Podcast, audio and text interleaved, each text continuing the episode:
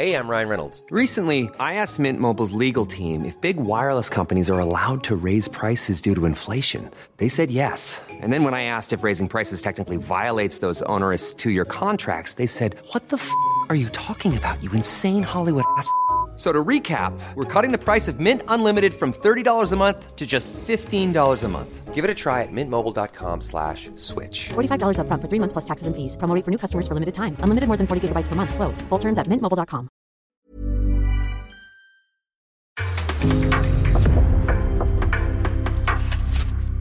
En podcast från Aftonbladet. Det stormar runt AIK. Både tränare och sportchef fick lämna efter derbyförlusten mot Djurgården. Sjätte raka torsken. Ja, hur ska de vända på det här? Det finns inte liksom mer tid att slösa bort. Liksom.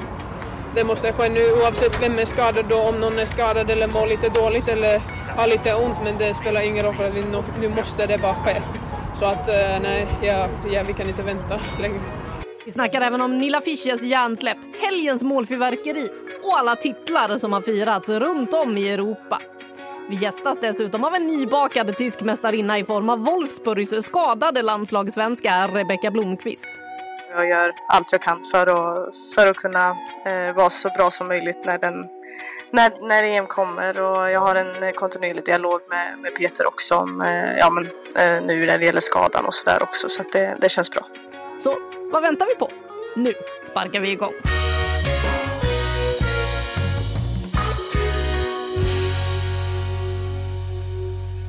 Vi rullar så kör vi. Ja, det är du och jag bara eller? Ja, det blir bara du och jag. Ska jag spela in tillbaka dig lite grann då ibland då, så att det blir... Det kan du ju göra. Mm, Så kan vi prata lite mer. precis. Eh, det blir väl toppen. Yes, men eh, då Yes. kör vi igång. Ja, Ja, varmt välkomna till eh, ännu en vecka. Det är intensivt med matcher just nu och vi har som sagt en massa spelare som har blivit mästare. Det ska vi såklart uppmärksamma här i podden. Det blir lite annorlunda idag. Vi har tyvärr drabbats av lite sjukdom så jag sitter själv här i studion och eh, med jag så menar jag då Anna Rydén som leder den här podden. Men med mig på telefon så har jag Viaplays expert Per Lagerström. Per, hur är läget med dig? ja det är bara fint. Får man lite mer tid att prata idag. Det är väl härligt. Exakt, det är bara bre ut dig hur mycket du vill. Det finns massor med utrymme idag för Kristoffer Bergström är tyvärr sjuk och eh, missar den här veckan så att vi får prata på helt enkelt. Ja, man får krya på sig. Exakt, och du, vi, eh, det är väl ingen idé att vänta utan vi drar igång med snabbfrågorna direkt här och eh, den första är att det blev ju en hel del gäng läckra mål eh, den här helgen. Vad, vilket var egentligen snyggast skulle du säga? Ja, det var läckra och många. Men jag tycker nog ändå att eh, Elin Rubenssons 2-0 mål där mot Linköping. Dels hennes prestation, men, men jag gillar ju någonting med, med liksom hela omställningen. Jag tror att Anna Schicke tar en löpning från egen straffråd hela vägen upp. Hon rör inte bollen, men hon möjliggör för Elin Rubensson. Jag tycker det, det är vackert på något sätt och så är det ett otroligt avslut av Rubensson. Så att jag, jag säger Elin. Ja, och eh, jag kan väl slänga in ett om man blickar utanför som vi kommer prata mer om sen. Eh, där kan man ju titta då på Sam Kerr som eh, stod för eh, två riktiga pärlor i eh, Women's Super League. Eh, men mer om det om en liten stund. Eh, vem eller vad har imponerat mest eh, på dig då den senaste veckan Per? För mig har det imponerat att, att det gjort 29 mål, om jag räknar rätt, där det var så många, på sju matcher. Det liksom, det är otroligt, liksom. vilken målfabrikation. Så att, ehm, ja, det på något sätt är ändå häftigt med mål. Så det, det är väl den stora imponeringen. Ja, förra veckan var vi inne på att eh, försvaren kanske börjar sätta sig lite, att man börjar läsa av varandra, att det inte är så mycket mål längre. Och så kommer den här omgången och motbevisar allt. Ja, i snitt alltså över fyra mål per match. Eh, det tror jag är extremt ovanligt i en sån här toppliga. Vi hade ju det första Stockholmsderbyt i helgen. 998 personer var på plats på Skytteholm. Är det en siffra att vara nöjd med? Ja, absolut inte. Det var väl 40 000 när herrarna spelade några veckor innan. Men jag behöver inte jämföra så, men jag tycker liksom ändå det är, det är huvud, Sveriges huvudstad och det är ett Stockholmsderby. Det är första för säsongen och då visst kanske lagen inte har gjort en fantastisk start, men en sån match är värd en, en betydligt större inramning. Jag förväntar mig att det är fullt på Skytteholm. Ja, jag räknade väl till eh, 27 personer tror jag på eh, i bortaklacken eller den lilla delen som Djurgårdsklacken då hade. Sen fanns det ju såklart en del med Djurgårdssympatier även på huvudläktaren. Men eh, nej, det var glest på flera håll på Skytteholmen då, trots allt. Trots solen och en söndagsmatch och ett Stockholmsderby där det alltså landade på 998 personer. Och vi kommer att prata mer om Stockholmsfotbollen idag.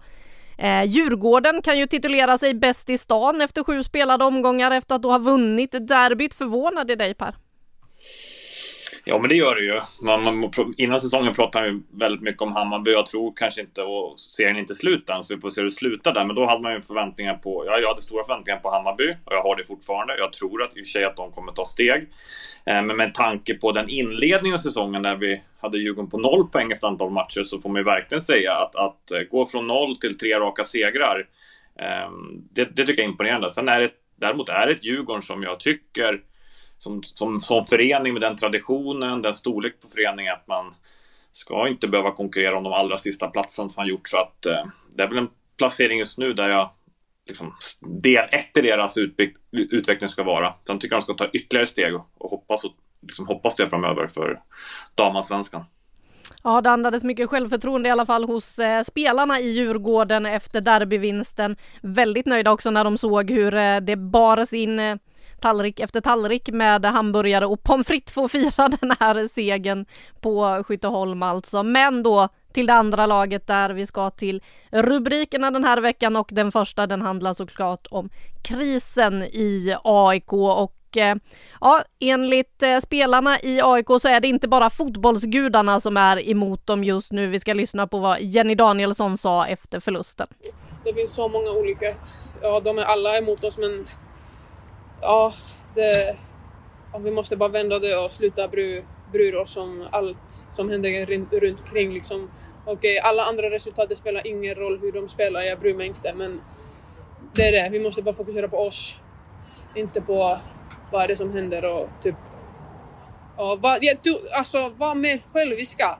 Alltså alla måste väl alltså, göra mål och sådär. Inte bara passa runt och, och klacka och som jag gör också ibland. Men alltså, det var bara skjuta, skjuta, skjuta hela tiden. Och... Hur mycket känslor är det just nu? Ja, mycket. Alltså... Därför måste jag pausa hela tiden för att jag vill typ bara gråta men... Äh, man måste bara komma tillbaka ja, snabbt som fan. Ja. Det finns inte så mycket att säga.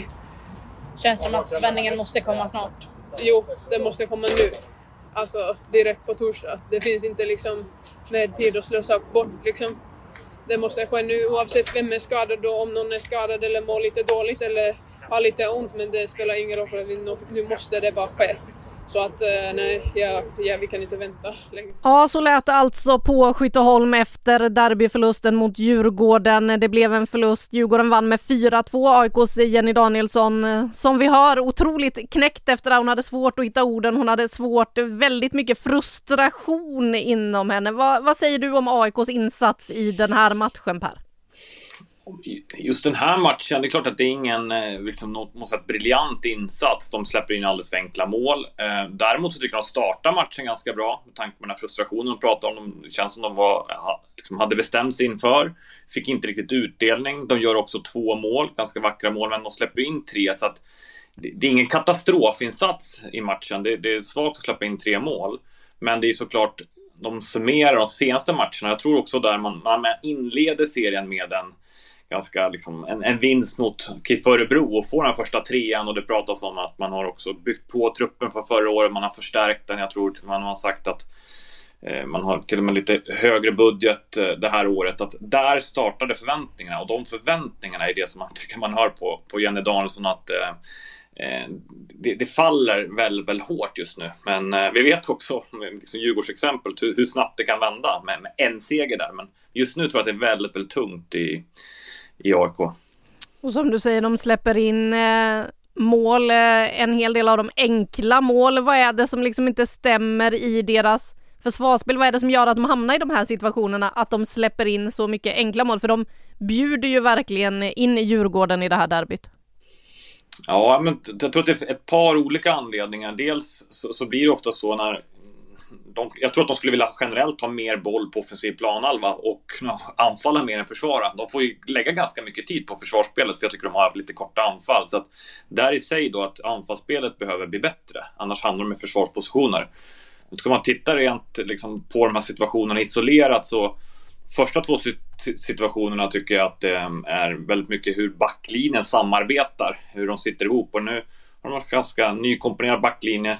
Inget ont mot Sara Nordin som vänsterback, men hon har ju, jag ser henne kanske främst som en innermittfältare, hon kan spela mittback och vi pratade i början av säsongen om nykomponerat mittbackspar med, med liksom, och det är ju klassspelare, men att de har inte riktigt fått ihop hela samarbetet med backlinjen och heller inte mittfältet framför. Så att det är ju det är en viktig detalj. Och den tredje ju, och det tredje målet de släpper in, det är ju egentligen, det visar tror jag på den här, när, när någonting inte stämmer. En, en för lös hemåtpassning, där man letar framåt och inte hittar någon att spela och så spelar man bara, så just det, när lag ligger väldigt tungt till, det, man letar, letar, letar, det blir de här märkliga situationerna som kanske aldrig händer när allting går bra. Så det är väl ett kvitto på att um, ja, det är nog, uppfattas lite stressat och man behöver hitta lägen att göra mål och så blir det precis tvärtom istället.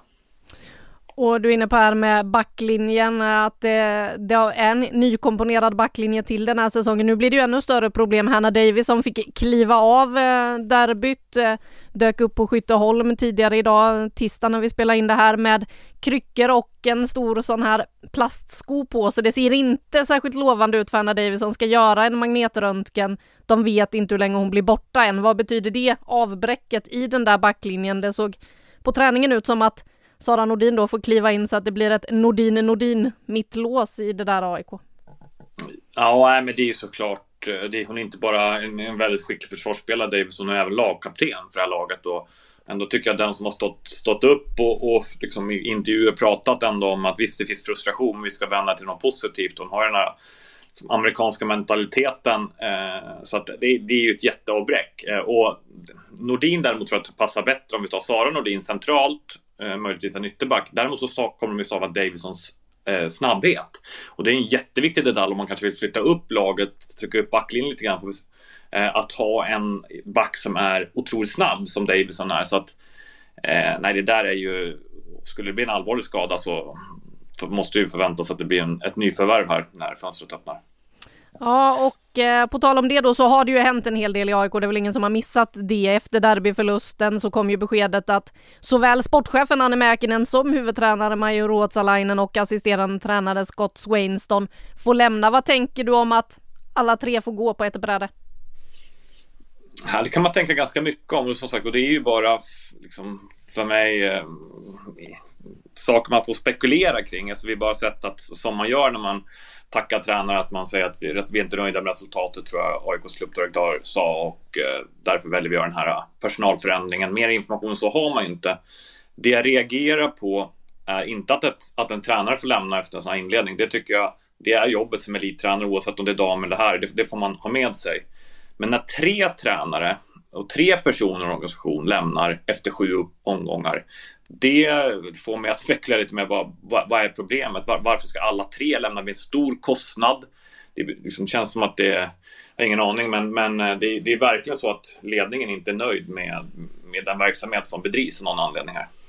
Nej, för man reagerar ju på det just att eh, både huvudtränaren och sportchefen faktiskt får lämna, att man inte väljer att ta en i taget, ge den andra chansen eller sådär, utan man man rycker allt på en och samma gång.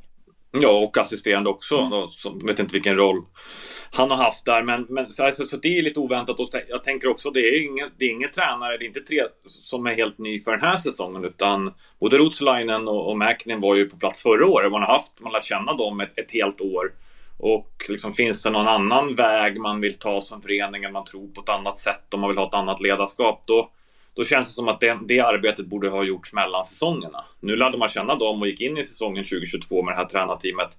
Absolut att man kanske behöver göra en, en, en tränarförändring för resultatet inte är med. Det är jag inne på. Men den här stora rockaden. Um, ja, det skulle vara intressant att, att, att, få faktiskt ställa frågan till AIKs ledning vad, vad, det beror på. Och eh, det blir också en ekonomisk konsekvens. Eh, jag gissar att de sitter på avtal eh, utan att kunna dem året ut och det är väl kanske Eh, det kan ju också behövas värvningar framöver. Så att, eh, och då var väl någon pandemistöd även på AIK fotboll. Så att eh, ekonomin är ju inte, den är alltid tuff i idrottsföreningar. Den är ju det och eh, vi är ju kanske inte vana att se de här eh, drastiska dragen så ofta på damsidan. Det kan ju ha med ekonomin att göra, bland annat att man inte alltid har råd att eh, rycka en tränare till exempel. Men nu blir det ju då tillfälliga lösningar. In kommer Jesper Björk och Nebojsa Novakovic som huvudtränare, Mikael Nilsson som assisterande och tillfällig sportchef då blir Herish Saadi. Vad säger du om den lösningen, att man väljer att ta in en tillfällig lösning, plockar upp folk som redan finns i klubben? Ja, men dels så tror jag i och för sig att alltså det jag gillar med den lösningen är att det, finns, att det är personer som finns i AIK Fotboll. Det är personer som jag gissar att ledningen känner till. Man vet precis vad man har och hur man tillsätter de där fyra förväntar jag mig då att de har järnkoll på deras kompetenser, hur de kan samarbeta. Det gör ju att inkörsträckan i det här fallet blir kortare. Så att det, det tycker jag nästan, ska man göra en tillfällig lösning så är det nästan det man måste göra. Man kan inte ta någon utifrån. Så det är i sig rätt. Däremot en till, återigen en tillfällig lösning med fyra nya personer. Um, det, det, är ju ganska mycket. Oftast så kanske man låta låter assisterande fortsätta eller ta in någon från organisationen här. Men det är fyra nya röster i omklädningsrummet. Det är fyra nya röster som ska jobba ihop. Eh. Det krävs ju verkligen att de har en, en tydlig arbetsfördelning. Eh, och sen är det intressant, är den kortsiktig eller långsiktig? Ja, de har sagt att de ska hitta en längre. Jag är inte... Med tanke på att de presenterar fyra så jag skulle inte bli helt förvånad om att, att den här lösningen fortsätter under resterande del av säsongen. Nej, jag var på Skytteholm tidigare idag då på första träningen som det här gänget gjorde tillsammans med laget och eh, pratade då med Jesper Björk efter eh, det som jag reagerade på först det var att Nebojsa Novakovic var där men han satt högst upp på läktaren, han var inte nere på planen överhuvudtaget. Och så när det var några minuter kvar ja då gick han från eh, Skytteholm. Så jag var tvungen att ringa upp honom och fråga vad är din roll? För Jenny Nordin var inte heller, hon var också sådär, ja men han kommer ju vara huvudcoach. Men jag vet inte riktigt hur det kommer funka för han har ju massa annat att göra i föreningen också. Alla de här har ju andra roller, man kan inte frysa allt annat de gör så att Nebojsa Novakovic förklarade att hans roll det är att han ska vara med på matcherna. Bara matcherna. Där ska han kliva in tillsammans med Jesper Björk och så får då Jesper Björk och eh, Mikael Nilsson ta hand om träningarna och det dagliga och allting runt omkring och eh, stöttas upp av eh, eh, Nebosha under själva matcherna. Vad tänker du om det upplägget? Ja, och då får jag nästan ta tillbaka mitt, mitt påstående. Om, om, det, om det är upplägget, då ser jag inte att det är en långsiktig lösning. Det tycker jag inte är hållbart överhuvudtaget. Jag tycker inte hållbart på kort sikt heller. Dels, även om man har andra uppdrag i en förening, går man in och, och behöver rädda liksom ett av föreningens representationslag, i det här fallet, det är AIK fotboll vi, vi pratar om. Då behöver man då ta paus från samtliga andra verksamheter. får någon annan täcka till där. Det här är liksom det finaste man har i en förening, representationslaget. Så det, nummer ett så tycker jag att man ska säkerställa att de som kommer in får 100% fokus på den här uppgiften, för det är en tuff uppgift med lagets situation. Två, har jag väldigt svårt att se att, sen, sen återigen, vi vet inte exakt rollen. Det är mycket möjligt att, att om man har en, en rollfördelning som gör att man vill använda Nebojsa Novakovic erfarenhet. Jag vet att han har sett mycket damfotboll, han har följt laget genom åren. Det är en väldigt kunnig liksom, fotbollsperson. Men att om man ska vara huvudtränare och coacha ett lag och inte se dem på träningarna i veckan. Det eh, tycker jag är... Eh, det, det, det, går inte, skulle jag påstå. Nu kanske det går att vara AIK, men det tycker jag inte är tillräckligt professionellt om det ska vara på det fallet. Nej, vi får se hur det här utvecklar sig, men för Novakovics del var han i alla fall eh, tydlig också med att hans roll i det hela, det är en tillfällig lösning. Sen får vi väl se, Jesper Björk eh, var väldigt eh, taggad på den här rollen att få kliva in och att få äran då som du är inne på, det, som det är att leda ett representationslag eh, i AIK. Så att eh, vi får väl se där exakt vad som händer och sker. Det blir ju en intensiv vecka för dem nu i alla fall. Jag har alltså sin första träning idag tisdag. På torsdag så är det match borta mot Eskilstuna. Får inte tala om eh, måste-matchen som väntar i början på nästa vecka. Måndag AIK Brommapojkarna. Hur viktigt är det att eh, AIK faktiskt börjar ta poäng nu? Ja, det är egentligen bara att titta på tabellen. De har tre poäng och framförallt när det, när det händer så mycket stora förändringar. Dels för tabellen är stort så får man inte hamna efter för mycket. Det börjar ju nu börjar ju skikta sig lite grann att det blir liksom ett, ett, en bottenskikt och då där tror jag inte AIK vill vara och inte vill ens vara på kvalplats heller. Så de här tre poängen är avgörande. Men också när man gör en förändring det brukar alltid vara så att det finns olika tankar och åsikter om det, både i, förä liksom i föreningen och i spelartruppen. Men just när man gör den, får en vinst i början, som man ibland kan få för det blir en kort, kortsiktig förändring. Det skapar ju arbetsro. Det är väl det som jag tror de här, de här nya tränarna liksom, och ledningen vill ha, så att de får lite gehör för sitt arbetssätt och får lite tålamod och ska de jobba in mot uh, både första matchen och sen då en, en väldigt, får man nästan prata sexpoängsmatch mot, mot BP. Eh, så att eh, det, är, eh, det är helt avgörande, väldigt avgörande vecka för AIK.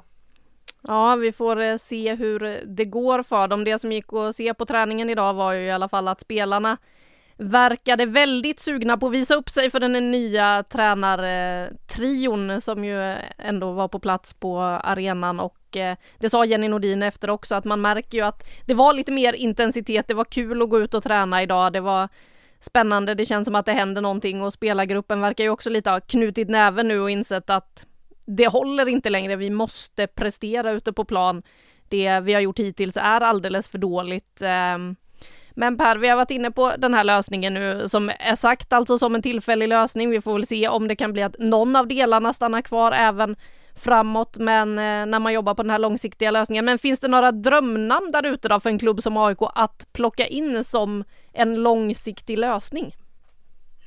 Ja, spontant tänker jag på, tänker jag på Caroline Sjöblom och Robert Svanström som ledde dem eh, i Elitettan när de vann. Mm. Um, så vet jag ju Karin Sjöblom sitter på Svenska Fotbollförbundet där, men det är klart att skulle jag vara AIKs ledare så skulle jag ta upp telefonen och ringa de här två. De kan flera av spelarna, de har eh, en vinnare, liksom har fantastiska resultat i, i, eh, med sig, liksom historiken. Sen som du är inne på, sen många av de tränarna som kommer in här vet inte hur jag är med de verkar som en Jesper Björk till exempel, han har ju varit fotbollstränare länge. Det är gedigna fotbollstränare, de kan hantverket. Så att det kanske går att hitta en lösning med att bygga vidare. För jag tycker inte man ska byta runt hela tiden heller.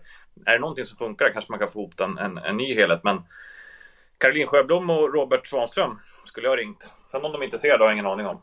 Nej, jag kan ju säga också där att Robert Svanström faktiskt var på plats på Skytteholm idag eh, på dagens träning så att eh, han finns ju i faggorna där. Vi får väl se om man plockar upp telefonen eller helt enkelt bara pratar med honom när han väl är på plats eh, där. Men eh, har du något mer du vill säga om den här soppan som det är i AIK och eh, krisen de befinner sig i?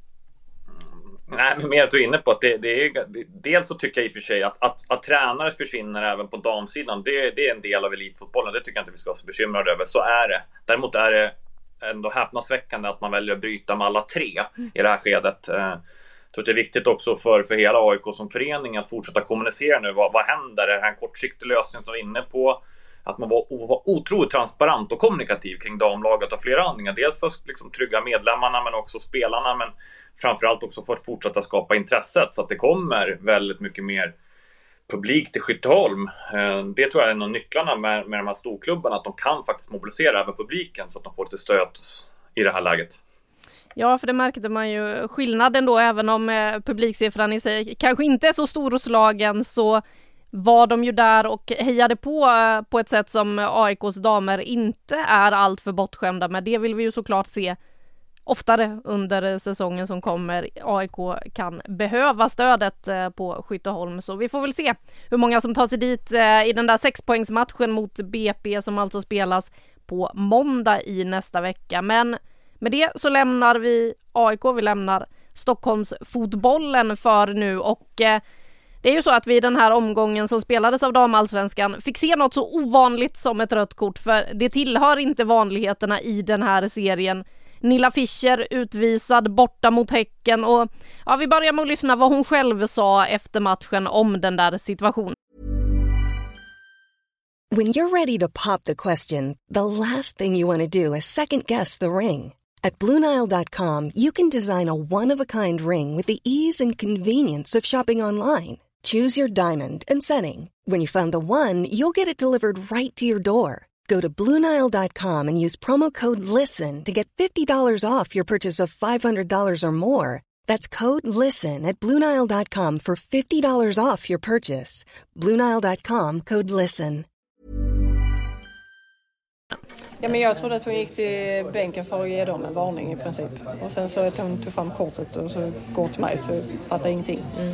Men nu tog hon det beslutet. Ehm, så, ehm, nu är jag avstängd så alltså, det går inte att göra något eh, åt det men jag själv tycker inte det är rött.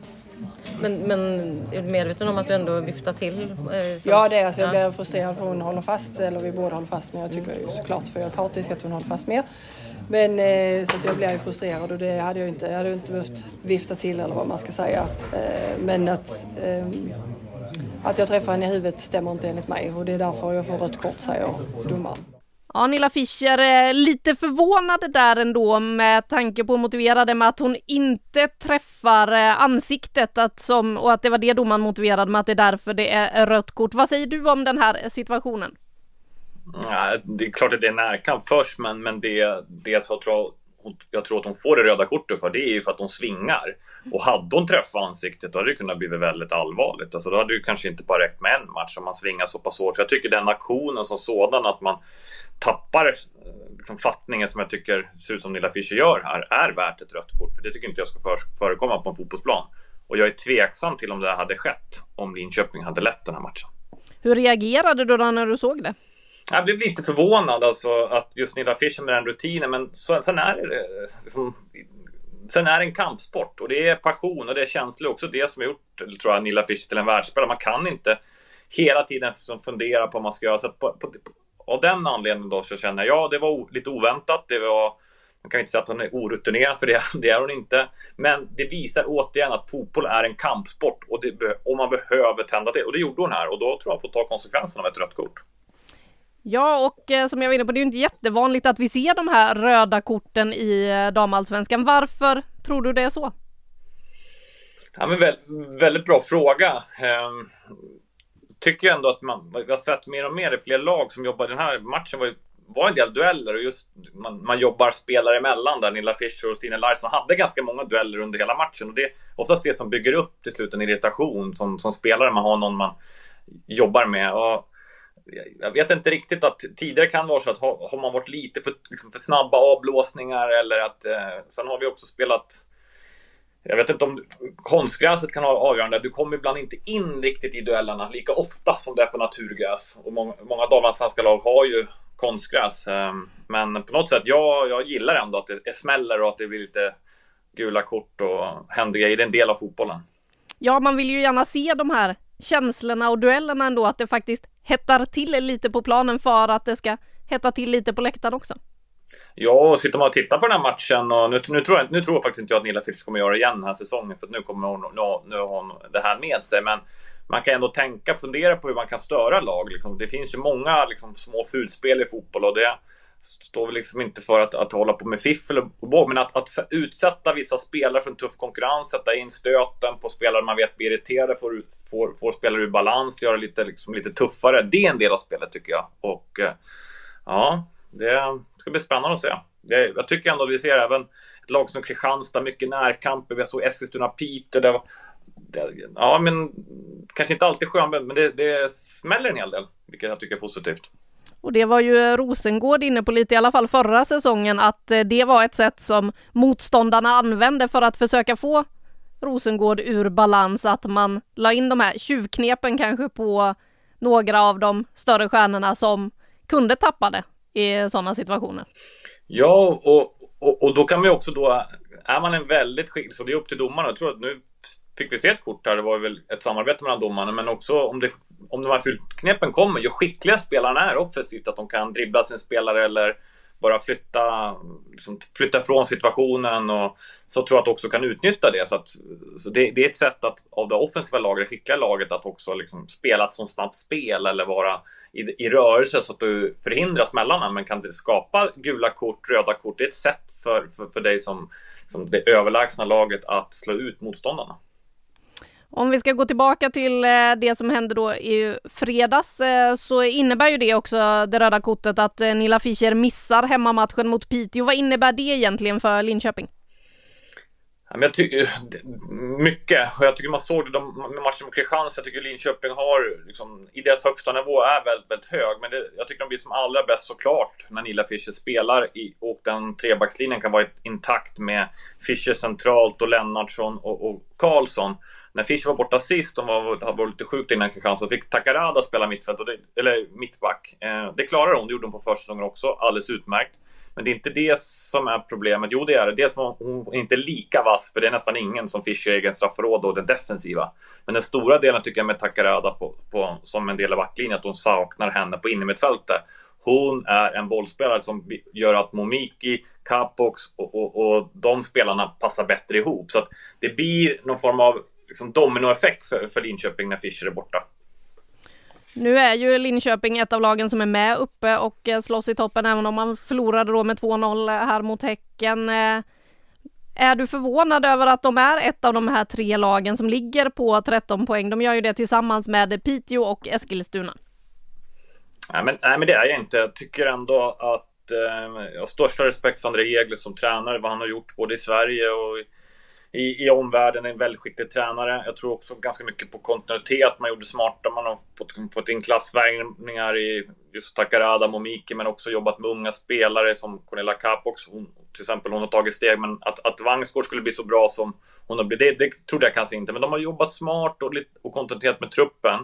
Så att, att de ligger på 13 poäng är jag inte så förvånad över. Det är ändå ett par poäng efter. Däremot så tycker jag att de är de kommer att vara sköra när de får skadorna. Jag tycker att Linköping skulle behöva ett par spelare till för att verkligen kunna konkurrera. Och det som de pratar om själva, de vill ju konkurrera upp i toppen. Det är ju en liksom, före detta liksom, mesta, mesta klubb. Och då behöver de fler spelare, kanske någon mer, framförallt riktig spetsspelare, men också ökad konkurrens tycker jag i, i samtliga lagdelar förutom målvaktsplatsen där man har två bra målvakter.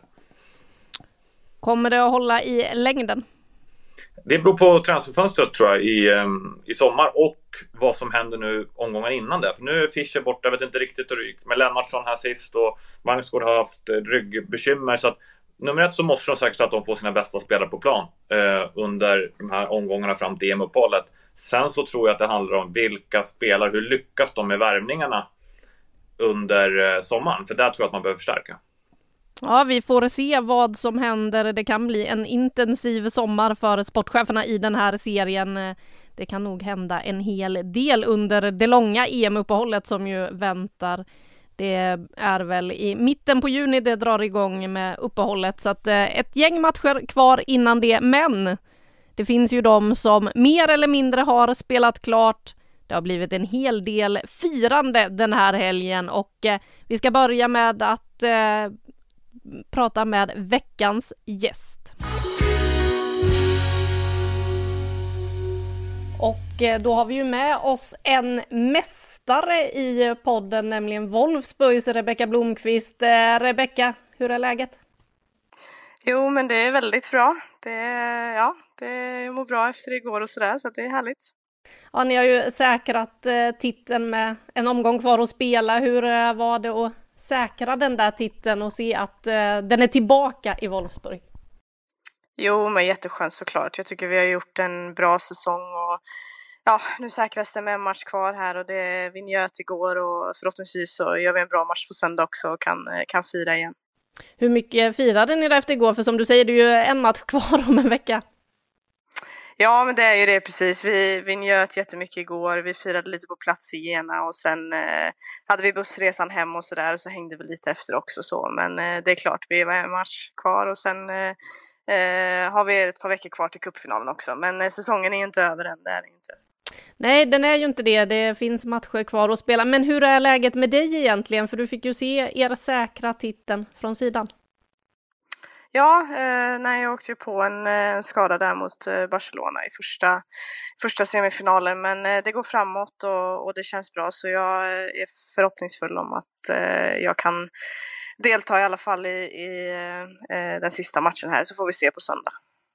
Vad var det egentligen som hände där? För det var många frågetecken när du blev inbytt och sen helt plötsligt utbytt igen. Ja, det är klart, man vet ju inte alltid vad det beror på, men det var en situation där jag, där jag vrickade till foten helt enkelt och eh, det, det, var ett bra beslut att gå av. Eh, så att det, ja, det var väl det som hände egentligen. Hur är det att behöva gå av en sån match? För det var ju en ganska speciell tillställning på Camp Nou ändå. Ja, men det var det ju såklart och, och någonstans så höll vi på att jaga, jaga mål också och låg under med, med om det var 4-1 eller 5-1, det var nog 5-1 till och med.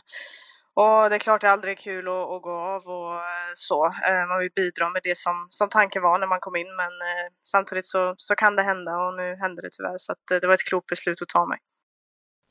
Vad är det som är fel med foten?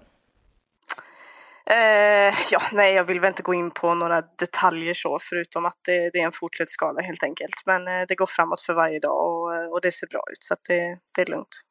Han du själv bli orolig där med tanke på att det väntar ett stort mästerskap i sommar?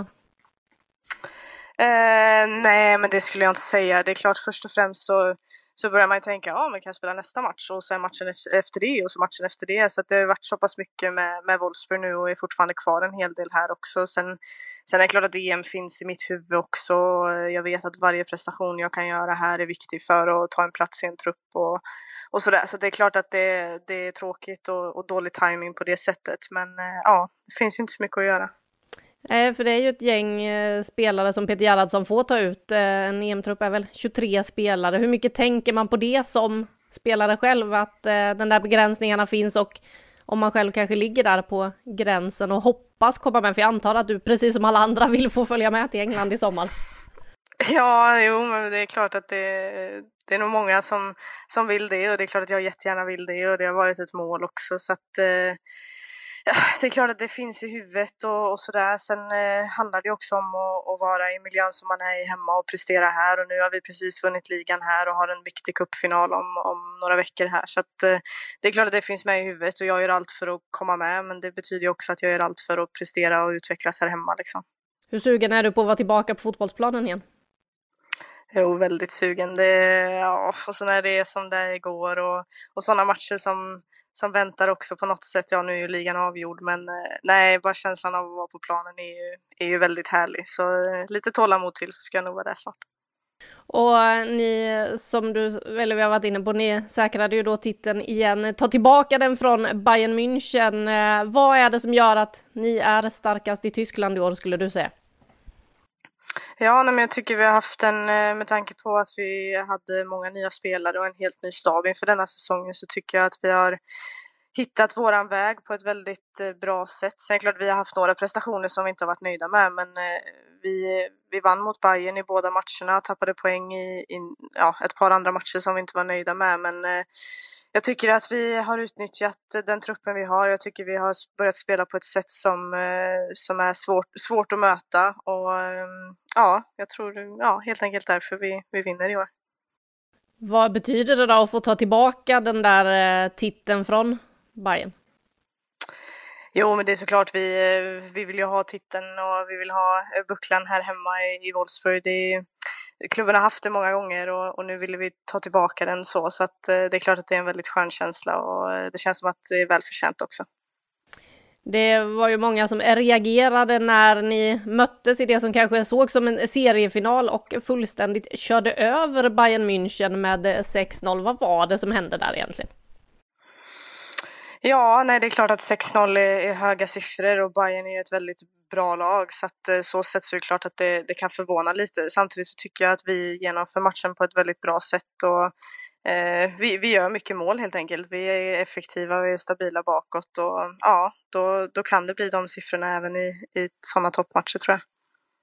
Du eh, lämnade ju Kopparberg Göteborg som mästare, nu är du mästare i Tyskland. Men vad känner du själv att du har utvecklat eh, mest under ditt liksom, ett och ett halvt år i tyska ligan?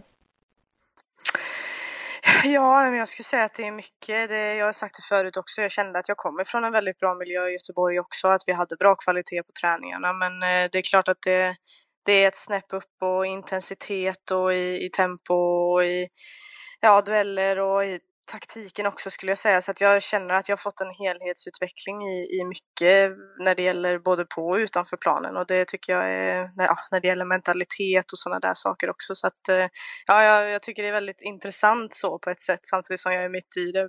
Det är mig själv det handlar om. Men eh, nej, jag är väldigt, eh, väldigt nöjd och känner att jag utvecklas varje dag här.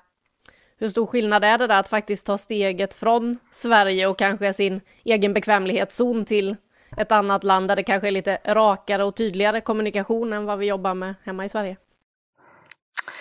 Ja, men det är klart att det, det, är en förändring och en omställning så sett. Samtidigt så, så känner jag att jag, jag gillar den, tid, ja, den typen av miljö och den typen av ledarskap och ja, lag att vara i och jag känner att jag det funkar väldigt bra för mig och eh, så sett så kände jag ju att det är klart att steget var stort samtidigt så kändes det som ett väldigt bra steg för mig och att det, mm, utfallet blev väldigt bra och det känns ju såklart väldigt bra. Vad, hur är det då att komma till ett lag där man kanske inte får lika mycket speltid som man var van vid hemma? Var du beredd på det eller vad, vad tänker du? Ja, men det var jag absolut. Sen sista året i Kopparberg hade vi också konkurrens eh, så sett eh, på forwardspositionerna. Så att det var ju lite bänk där också och sådär. Så att eh, och sen när jag gick till Wolfsburg så visste jag ju att ja, eh, i mina ögon och, och, som vi har visat nu också så är det ju ett av Europas allra bästa lag och, och, den truppen vi har och har haft under den perioden jag har varit här är ju otroligt konkurrenskraftig och någonstans så det är klart att jag vill spela varje match och, och så. Såklart att man utvecklas mycket av det men jag tycker också att det är en väldigt bra balans här i att eh, alla utvecklas och jag känner att jag utvecklas och det är det viktigaste för mig. Och ett år kvar på kontraktet. Vad ser du eh, när du tänker på nästa säsong med det här Wolfsburg? Ja, jag ser väldigt mycket fram emot nästa säsong. Jag tycker som sagt det här halvåret har vi, har vi visat det vi byggde upp under första halvåret och eh, att kunna bygga vidare på det nästa år är väldigt spännande tycker jag. Ni har vunnit ligatiteln, cupfinalen är kvar. Tar ni hem den också?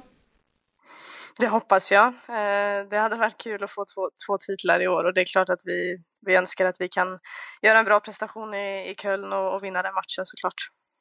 Och om det var en del som undrade kanske lite vad ni höll på med på Camp Nou, där siffrorna ju blev väldigt eh, stora när Barcelona gick ut eh, med en otrolig intensitet inledningsvis där, så visade ni ju vad ni kan på hemmaplan mot Barcelona. Vad betyder det för laget egentligen att ni faktiskt besegrade de här som många pratade om som i princip oslagbara?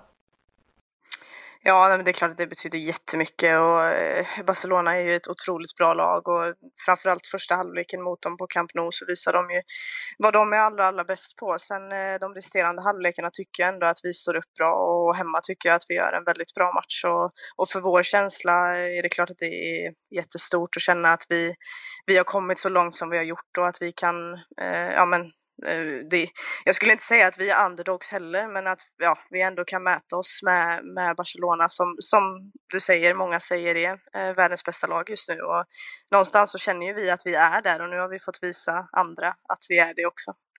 Så nästa säsong är ni redo att vara med och utmana om den titeln också? Ja, absolut, absolut. du, det är, eh, ja, när den här podden släpps så är det mindre än två veckor kvar, eller två veckor, två månader kvar till EM sparkar igång i England. Eh, hur sugen är du på att vara en del av eh, den svenska EM-truppen och har du någon dialog med Peter som det är nu? Jo, men jag är jättesugen såklart. Det är en dröm att spela EM och mästerskap överlag och, och ett EM i England. Och Eh, med det laget som, som vi har nu också. Det är klart att det hade varit otroligt häftigt att, att få uppleva och jag gör allt jag kan för att, för att kunna eh, vara så bra som möjligt när, den, när, när EM kommer och jag har en kontinuerlig dialog med, med Peter också om eh, ja, men, eh, nu när det gäller skadan och sådär också så att det, det känns bra. Vad känner du själv att du tillför i landslaget? Nej, men jag tycker att jag dels så kan jag spela på, på två olika positioner. Jag kan spela lite på kanten och jag kan spela som, som topp också och känner att jag kan använda mitt djupledsspel eh, när jag spelar som forward och även när jag spelar som ytter och, och även det som jag gillar att göra och komma in lite i fickan och, och spela lite felvänd också. Så det är väl främst det som jag känner att jag kan bidra med. Du, vi ser fram med spänning mot att se när du är tillbaka på planen och eh, om du finns med i EM-truppen den 7 juni. Tackar så hemskt mycket för att du hade tid att vara med här. Tack, tack, tack, tack. Ja, Rebecka Blomqvist alltså den enda svenskan som blev mästarinna i eh, Tyskland och eh, Per, du har pratat lite med Rebecka här om eh, hennes utveckling och vad det är som gör att Wolfsburg faktiskt segrar i år. Va, vad tänker du kring det? Ja, men jag blir lite nyfiken på, på det själv och därför jag fick tillfälle att prata lite med Rebecka Blomqvist om det. För att dels är jag imponerad av Wolfsburgs säsong. Dels att man avgör ligan nu och att man, de matcherna man gjort mot Bayern München som vi vet är ett klasslag. Bayern, Bayern München som var regerande mästarinnor i, tyska liksom, ligan där, att man till och med vunnit med var 6-0 ett tillfälle mm. mot dem. Att det tycker jag är otroligt imponerande.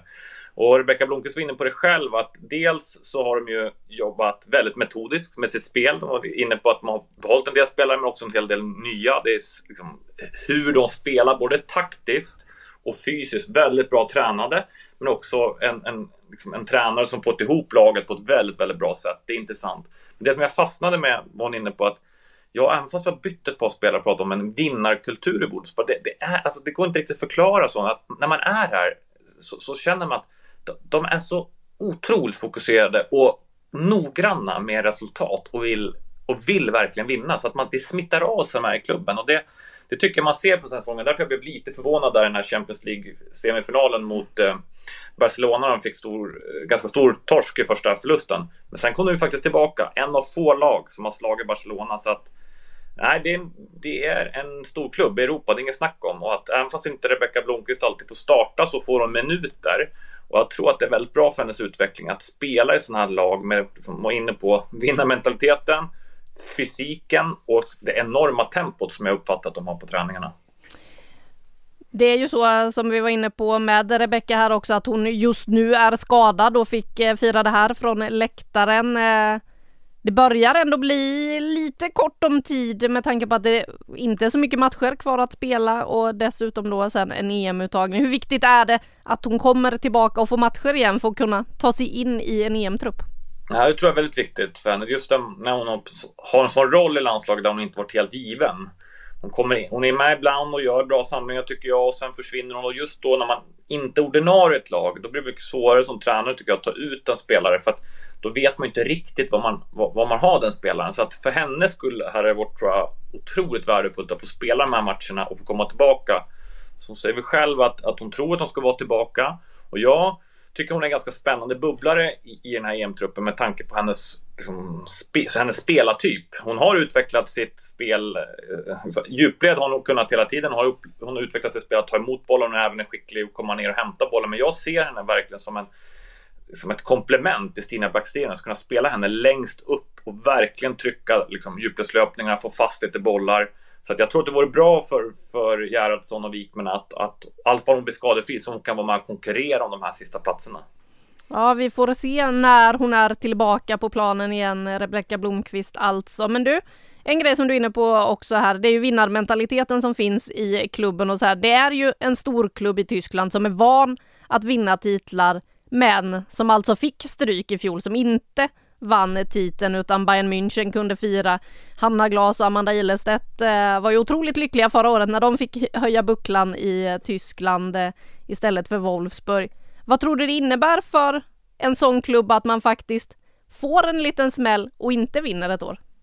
Ja, men, så att fundera lite på det där innan. Det är klart att vi har sett de här dynastierna man vinner år efter år efter år. Det är väldigt imponerande då och, och man brukar kunna vinna. Men det är, tar det även till Sverige. Vet, när jag tror Kopparbergs Göteborg vann en säsong här. Det var, eh, och Rosengård blev tvåa som var regerande mästarinnor. Och vad, vad Rosengård gjorde förra säsongen då, det var efter året de hade förlorat.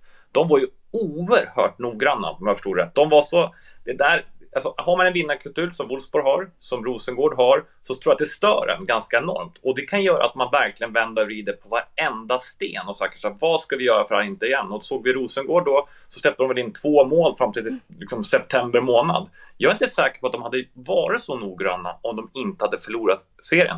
Och det är lite så jag tänker på Wolfsburg nu. Visst, de har vunnit mycket, men att de förlorade mot, mot Bayern München, det kändes otroligt mycket. Det gjorde att både ledning, spelare, tränare bestämde sig att vi, vi får inte, inte, en enda detalj till nästa säsong. Jag tror att de har tränat lite hårdare. Jag tror de har funderat exakt taktiskt hur de ska göra. De har varit ännu noggrannare med vilka värvningar.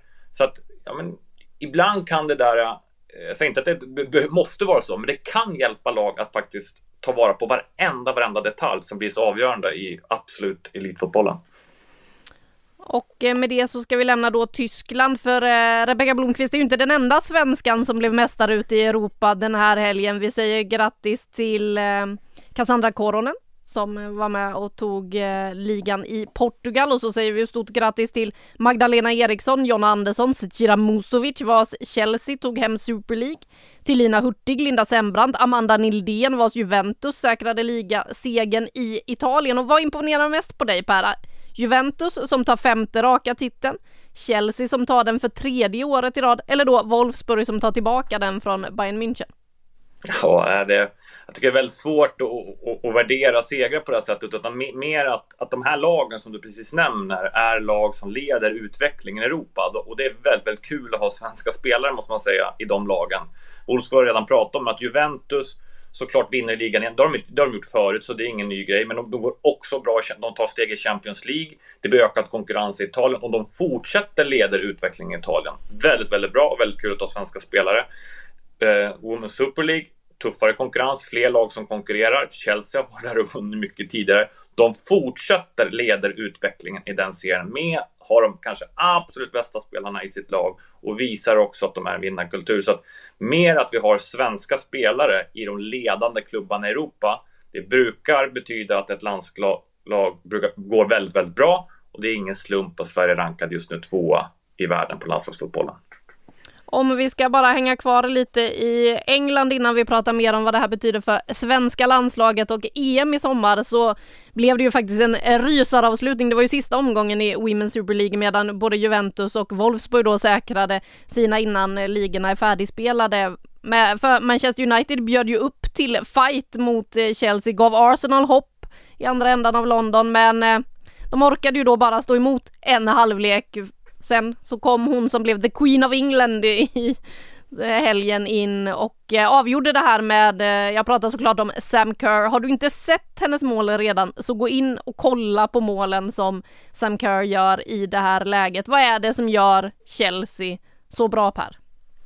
Ja, du nämnde precis en av de recepten. Det är Sam Kerr. Hon är ju, tycker jag, att den absolut vassaste forwarden kanske i hela världen titta på hur många mål hon vinner väl skytteligan där borta, men också hon avgör den här matchen med två volleyskott som, som är eh, det första är snyggt, men det andra, de vrider runt kroppen, man, ni får titta på det och ha koll på vad målet är och få en precis träff. Liksom. Det, det är en skyttedrottning av, av rang, men det är en detalj. Men sen är hon ju inte ensam i det laget. Jag, jag tycker att det är avgörande Dels då att de har några av världens bästa spelare. Eh, Arsenal har också många duktiga spelare. Men om man också tittar nummer två, vad är det som avgör mer? De vinner faktiskt båda matcherna mot Arsenal. Och det är möjligt att de har spelat Champions League-mål. De har haft de här avgörande matcherna. De hade den här jobbiga, återigen, förlusten mot Barcelona i final. Så att de vinner också de avgörande matcherna samtidigt, precis som de vänder den här sista matchen. Så den, och det brukar man oftast göra när man har klassspelare eller man har varit med om det förut. Så det är väl liksom några av anledningarna, tänker jag.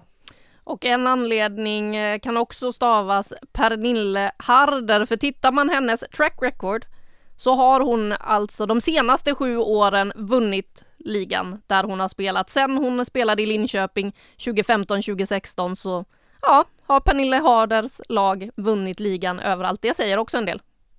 Ja, och du hör ju det namnet också om man pratar på klassspelare i världen. Liksom, det, det, det, det, radar upp det, men det är, det är imponerande. Får vi se för, för, för Chelseas skull att hon inte byter lag här nu. Jag tror att hon har kontrakt, men ändå. Det är otroligt vilken vinnarmentalitet hon Jag tror hon också sprider den runt omkring sig, för det är så självklart för henne att vinna när hon, när hon gör det varandra år. Ja, Pernilla Harder alltså sju titlar i rad. De som vill vinna en titel, värva Pernilla Harder. Det verkar vara ett enkelt recept för att ta hem en titel. Men eh, vi var ju inne på landslaget. Vad innebär det här då för sommarens EM nu? Att vi har ett gäng spelare som är ute i Europa, som är i toppklubbarna och som dessutom vinner titlar innan man kliver in i ett EM där Sverige ju faktiskt för ovanlighetens skull kliver in som guldfavoriter.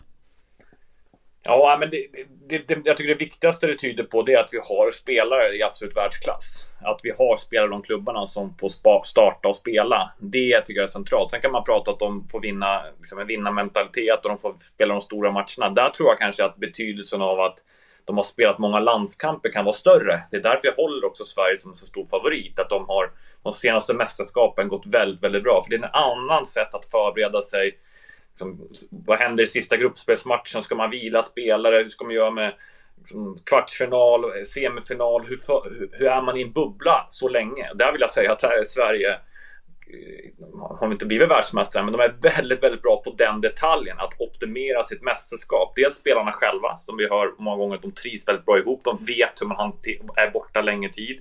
Landslagsledningen för att, jag tycker Peter Gerhardsson och Magnus Wikner som tog över, han har ju ställt över spelare mot, mot lag som USA för att han har en plan senare i mästerskapet. Väldigt modigt ledarskap. Men också runt omkring med Marika Domanskis, Lyfors, landslagschefen, hur hon i den rollen hon har för att förbereda ett lag för att vara så bäst ett landslag i det här fallet. Och där, det, det tänker jag kanske ännu mer avgörande. Men, men att vi har spelare i de här lagen visar ju att du vinner heller ingen mästerskap. Det spelar ingen bra hur bra förberedd du inte är om du inte har bra spelare. Nu har Sverige båda. Det ska bli väldigt spännande. Ja, och som du är inne på där, det var ju många som eh, kanske höjde på ögonbrynen eh, den där matchen i VM 2019 mot eh, USA när eh, Sverige helt plötsligt eh, slänger in x antal eh, VM-debutanter i elvan och helt skakar dem mot en nation som USA. Ja, och då måste du vara väldigt trygg. Dels i ditt ledarskap men också som landslag. Jag tyckte, för man märkte det.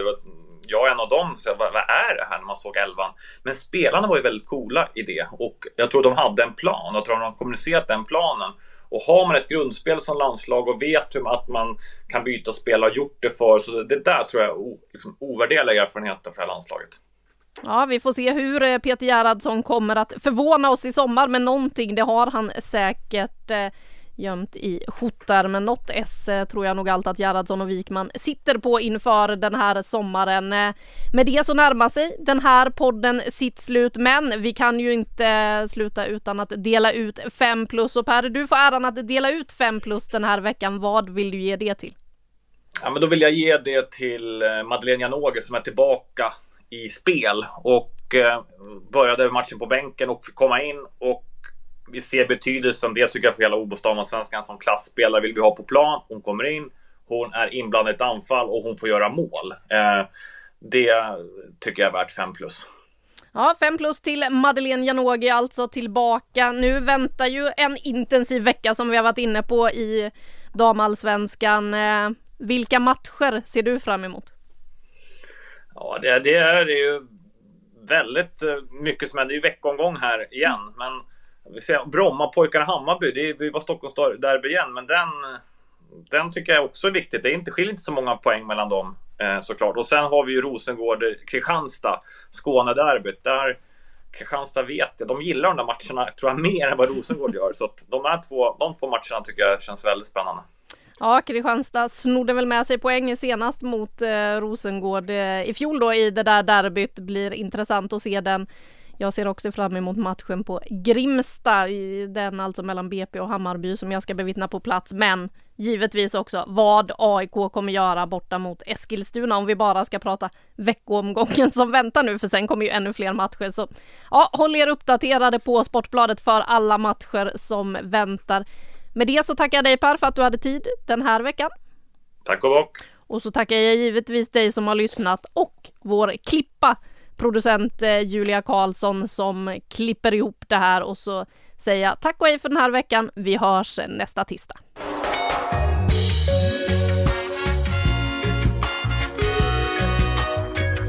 Du har lyssnat på en podcast från Aftonbladet.